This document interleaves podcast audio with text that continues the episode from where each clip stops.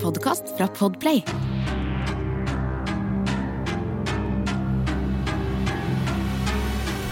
Hallo dere, og velkommen til en helt ny episode av Forsyningsfredag podcast. Denne episoden kan være veldig skremmende for enkelte lyttere, så dersom du er enten yngre eller sensitiv, så vil jeg anbefale deg å lytte til episoden med en voksen du stoler på, eller skru av. Dette er en av de desidert verste sakene jeg har tatt for meg i podkasten hittil. Kanskje til og med den verste. Så vær så snill, ta advarselen i begynnelsen av episoden på alvor. Og utover det så kan vi rett og slett bare gå rett inn i saken om The Greensburg Six.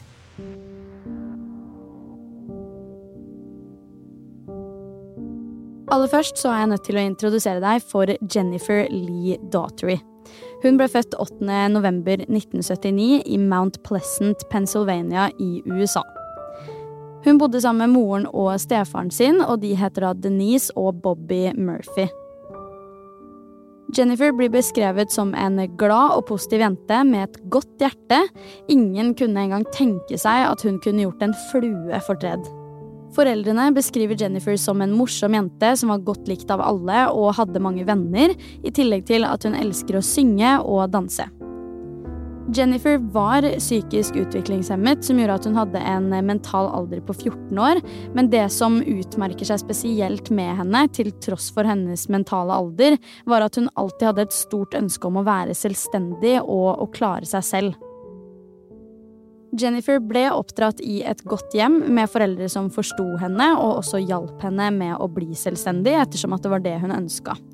Foreldrene var likevel skeptiske til at hun etter hvert skulle bo alene, ettersom Jennifer var veldig veldig godtroende og naiv. Det er da grunnen til at foreldrene tok ansvaret for bl.a. økonomien og andre helt essensielle ting i livet til Jennifer. I februar 2010, da Jennifer var 30 år, så møter hun Peggy Miller på et samfunnshus i Greensburg. Da hun kommer hjem fra den kvelden her, så forteller hun foreldrene sine at hun nå har fått seg en ny venn, og at hun gjerne vil flytte sammen med henne. Foreldrene er veldig glad for at hun har fått en ny venn, og som nevnt tidligere så ønsket de å hjelpe henne med å bli selvstendig og gjøre det så godt som overhodet mulig. Dagen etter at Jennifer har møtt Peggy, så har hun også bestilt eh, time hos legen for å hente medisinene sine. Før hun da skal dra til legen, så legger hun igjen en lapp med kontaktinformasjonen til Peggy, samt et brev til moren hvor det står Håper du har en fin dag på jobben. Jeg elsker deg veldig mye. Når vi nå skal ta et skikkelig dypdykk ned i grusomhetene og tingene som generelt skjedde med Jennifer, så er det skikkelig, skikkelig trist å tenke på at dette her var de siste ordene hun ga til moren sin. Altså, det vitner jo om hvor glad Jennifer var i foreldrene sine, og hvor glad foreldrene var i henne. Så dette her er ufattelig, ufattelig trist, og du kommer snart til å skjønne hvorfor. La oss gå rett inn i det. 8.2.2010 blir Jennifer kjørt til busstasjonen av stefaren sin, så han er sikker på at hun kommer seg trygt til bussen. Det her blir den siste gangen han ser henne i live. Jennifer hadde avtalt denne dagen at hun skulle sove over hos 23 år gamle Ricky Smears, jeg tror det er sånn du uttaler etternavnet hans, i da en leilighet som han delte med Peggy i Greensburg. Ricky og Jennifer hadde den siste tida sendt en del eh, meldinger til hverandre. De hadde hatt en eh, god tone, og bakgrunnen for denne kontakten var at han veldig gjerne ville at hun skulle sove over hos henne, med en eller annen baktanke. Men la oss egentlig finne ut litt mer om hvem denne Ricky-personen er, fordi han er en ganske stor del av denne historien. Det viser seg at han hadde en ganske mørk og egentlig trøblete fortid. Han hadde et ganske langt rulleblad til tross for sin unge alder, han var jo bare 23, og han var annet dømt for tyveri, innbrudd og også overgrep. Ricky vokste opp med foreldrene sine i Philadelphia med en mor som var både narkoman og prostituert, mens faren var medlem i Pittsburgh-gjengen, så han var et gjengmedlem. Man kan jo da trygt si at det her ikke akkurat er den beste starten på livet. Ricky ble også dessverre seksuelt misbrukt av både faren sin og onkelen sin, og av det her så ble han satt i fosterhjem i ganske ung alder. Han fikk derimot ikke et varig hjem, han ble liksom ikke sendt til et spesifikt et og ble værende der. Han ble sendt mellom flere ulike steder og familier. Da Ricky var kun fire år gammel, så blir han utreda for psykiske lidelser, og i en alder av ti år så hadde han allerede gjennomgått 103 terapitimer. Som seksåring hadde han også allerede prøvd både alkohol og svært tunge narkotiske stoffer. Da han var åtte år gammel, fikk han diagnosen PTSD, som ikke er så veldig rart med tanke på grusomhetene og traumene han hadde gått gjennom.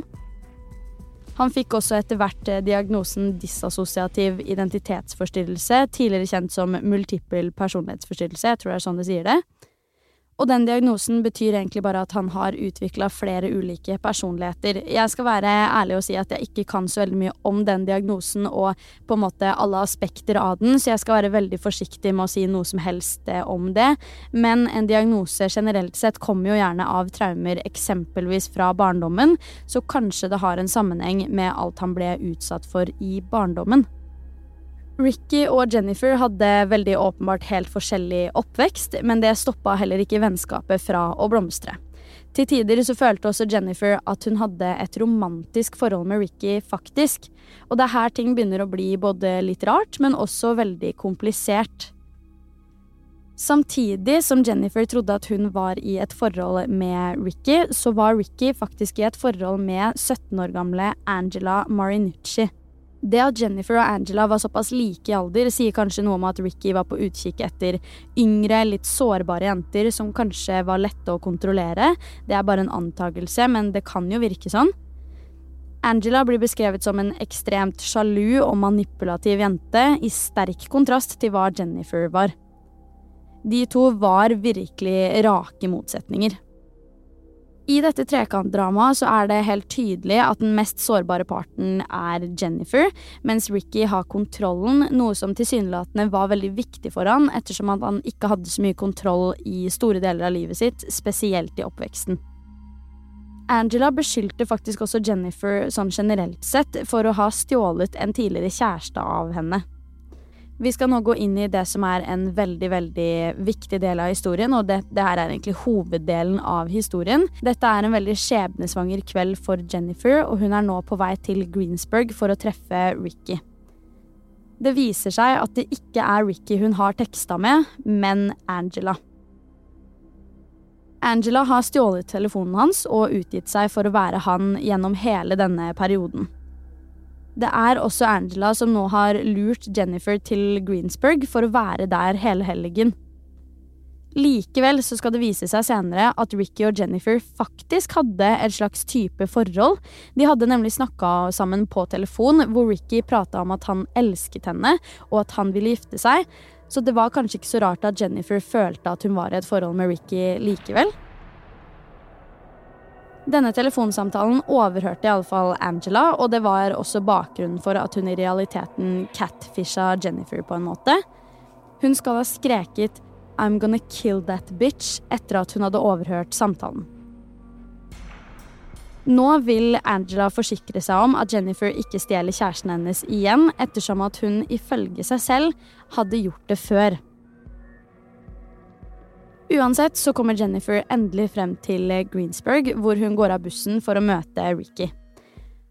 Han har nå med seg flere folk for å hente Jennifer, blant annet, å holde tunga rett i munn, for her er det mange navn, 27 år gamle Peggy Miller, 36 år gamle Robert Masters, som da var Peggys forlovede, og Angela, Rickys kjæreste. Grunnen til at de var på bussholdeplassen, var egentlig for å møte 20 år gamle Kevin Knight. Ricky og Melvin hadde kjent hverandre fra fengsel, så her har vi enda en person som ikke har helt rent mel i posen. Han hadde med seg sin gravide kjæreste, nemlig 20 år gamle Amber Meddinger. Og de to igjen hadde møttes da de bodde på et herberg for hjemløse. Så alt i alt så er jo ikke det her en gruppe mennesker som er den beste å omgås med, ettersom at flere av de har en kriminell bakgrunn, og at de generelt sett ikke akkurat er eh, de beste folka å henge rundt, da.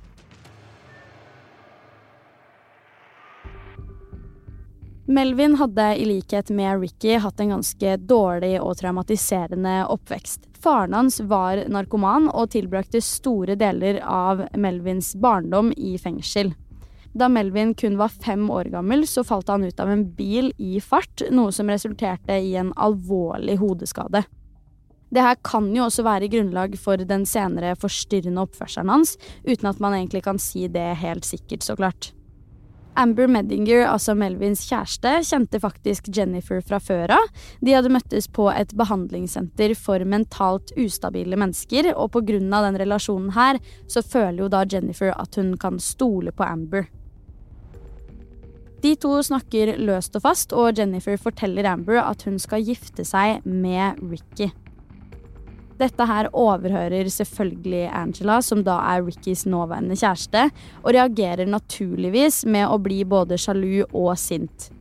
Amber har senere forklart at hun opplevde relasjonen mellom Jennifer og Angela som veldig veldig anspent, noe som ikke egentlig er så veldig rart med tanke på at de begge to trodde jo at de var i et forhold med samme fyr, så det er jo ikke akkurat lagt opp til at de to skal være veldig gode venner.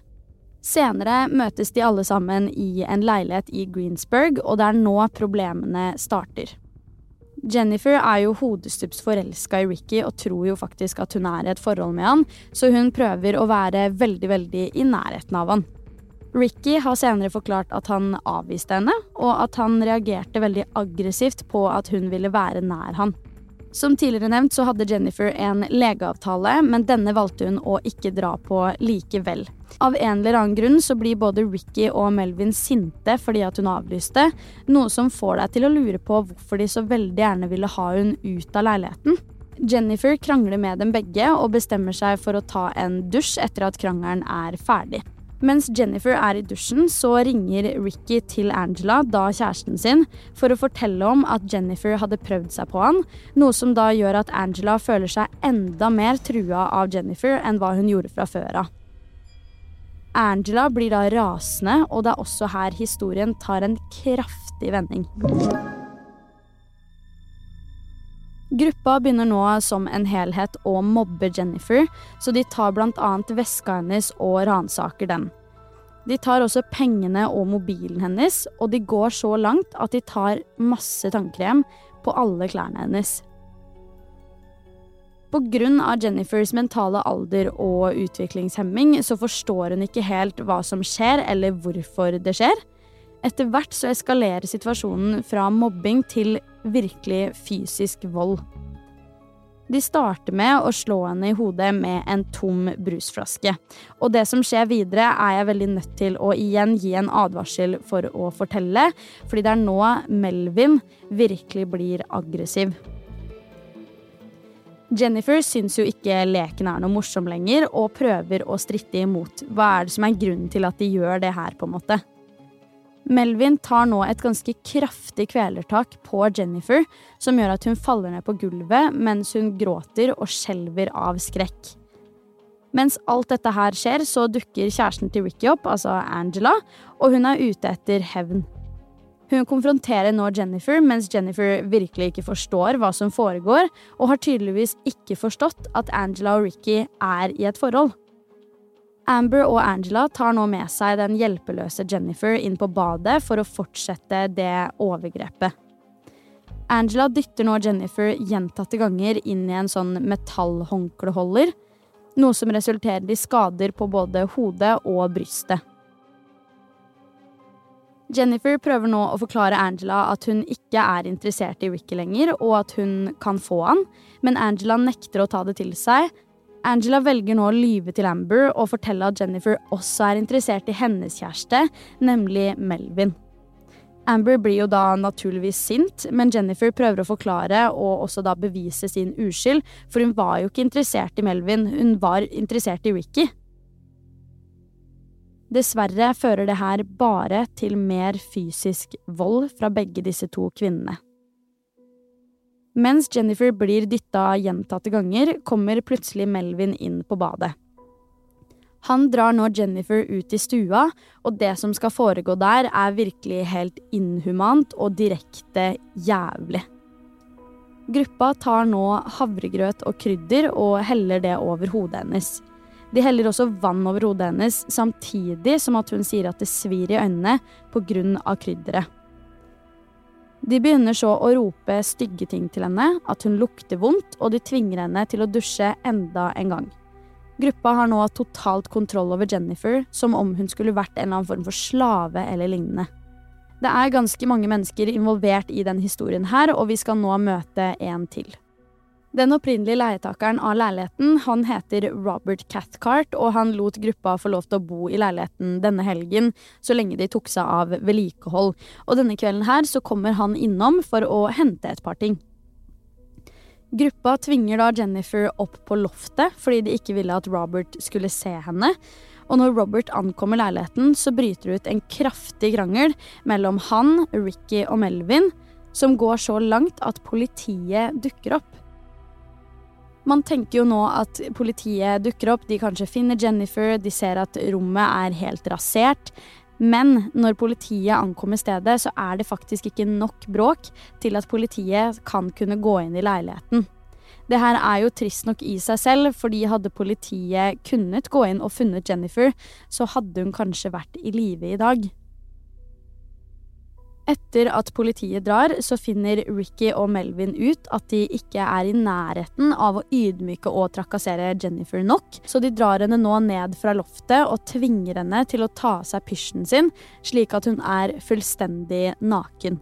De kaster pysjen hennes ut av vinduet og henter en saks. Nå begynner de å klippe av håret til Jennifer helt ned til hodebunnen. Etter at de er ferdige, tvinger de faktisk Jennifer til å rydde, mens hun hele tiden spør hvorfor de gjør dette her mot hun, for de har jo egentlig ingen grunn til å gjøre det. De svarte at hun er stygg, og at ingen vil ha henne. På dette tidspunktet har Jennifer gått gjennom så mye at det som skjer videre, er helt uforklarlig grusomt. Melvin tar tak i Jennifer, drar henne med inn på soverommet trykker en sokk i munnen hennes og forgriper seg på henne. Mens han gjør dette her, så kommer Amber, som er hans høygravide kjæreste. Hun kommer da inn på soverommet og ser hva som skjer. Hun gjør absolutt ingenting, og om det er pga. sjokk eller hva det er for noe, det vet vi ikke. Men en mulig forklaring kan jo være at hun ikke forstår at det er overgrep, men mer at Jennifer stjeler mannen hennes fra henne. Etter hvert drar Ricky og Melvin for å hente noen medisiner for Angela, og Jennifer forklarer de gjenværende i gruppa at hun har lyst til å dra. Når Ricky og Melvin returnerer til leiligheten, forteller de andre at Jennifer har lyst til å dra, noe som gjør at guttene der blir helt fullstendig rasende. De begynner derfor å banke Jennifer igjen og tvinge henne til å ta Angelas medisin. Dette var ganske sterke antipsykotiske medisiner, og absolutt ikke noe hun burde tatt i det hele tatt. Etter at de har tvunget i henne alle disse medisinene, så lar de Jennifer ligge igjen på stuegulvet. Hun er nå mørbanka, dopa ned, naken og voldtatt, mens de andre går og legger seg. Hun er i såpass dårlig tilstand at det var nok ikke et alternativ å prøve å rømme på det tidspunktet her engang. Neste morgen forlater Melvin, Angela og Ricky leiligheten. De gir beskjed til de andre om at Jennifer må overhodet ikke under noen omstendigheter forlate leiligheten, for da er de i skikkelig trøbbel. Da de kommer tilbake, blir Jennifer beskyldt for å ha drukket brusen til Angela fra kjøleskapet. Jennifer benekter jo det her, og Angela ender da opp med å dytte henne ned på gulvet og slår henne gjentatte ganger i ansiktet. Jennifer føler jo da naturligvis at hun ikke har noe annet valg enn å prøve å forsvare seg, og klarer derfor etter hvert å dytte kneet sitt i magen på Angela. Angela går nå da til Ricky og forklarer hva som har skjedd, men i tillegg til det så sier hun at hun er gravid, og at Jennifer nå har prøvd å drepe barnet deres. Det her var jo åpenbart løgn for å få hele situasjonen til å eskalere ytterligere. Ricky blir naturligvis rasende, som en hvilken som helst person ville gjort om noen hadde prøvd å ta livet av barnet ditt, ditt ufødte barn, og går nå bort til der hvor Jennifer ligger og spør henne om hvorfor i alle dager han skal la henne leve nå som hun har drept barnet hans. Det neste som skjer, er helt utrolig merkelig, fordi nå har gruppa et ganske sånn rart møte hvor de diskuterer hva de skal gjøre med Jennifer fremover. På det tidspunktet her er Jennifer så vidt bevisst etter alt hun er blitt utsatt for.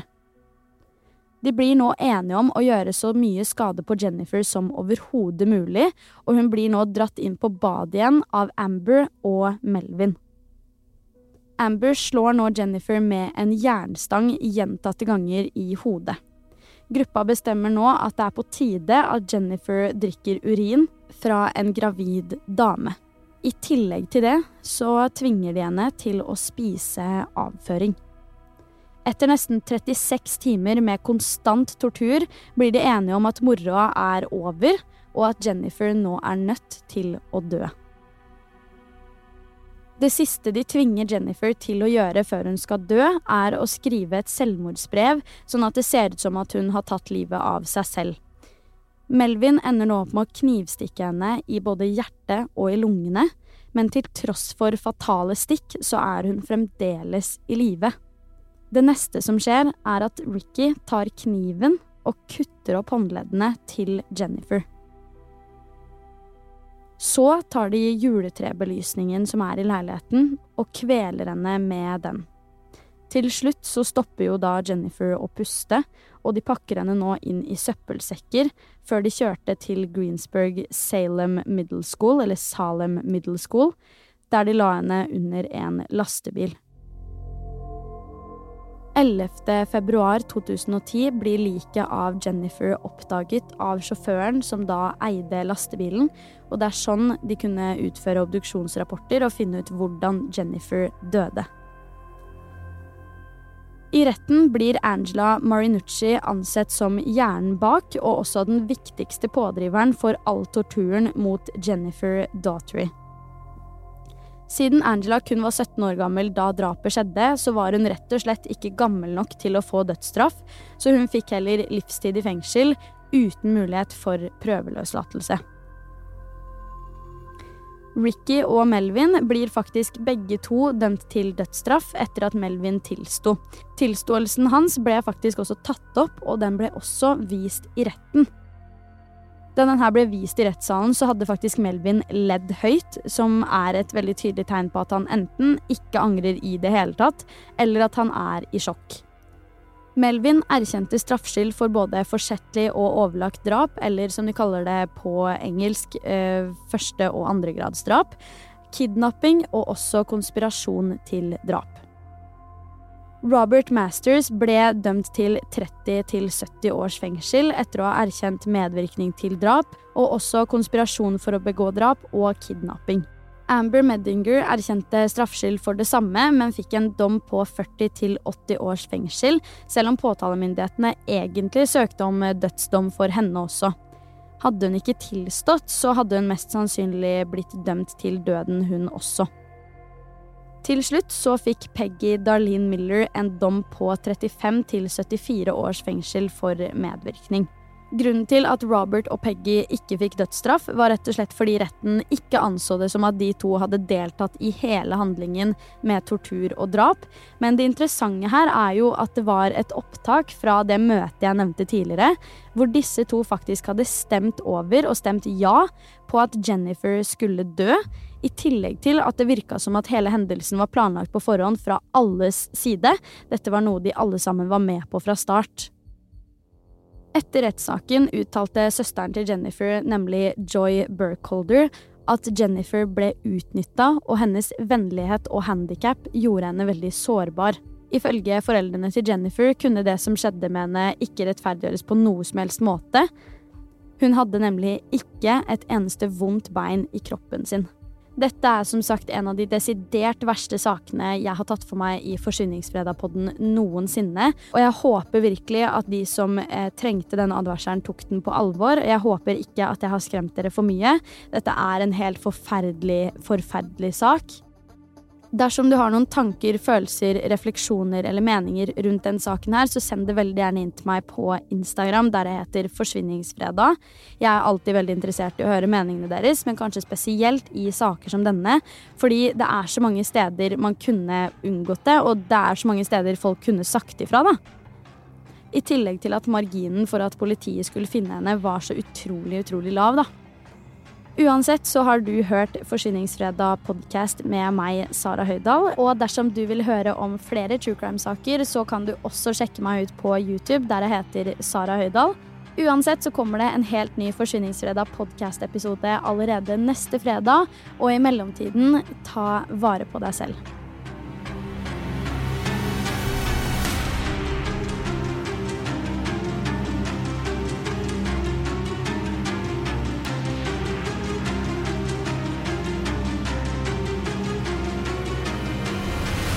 Du har hørt en podkast fra Podplay.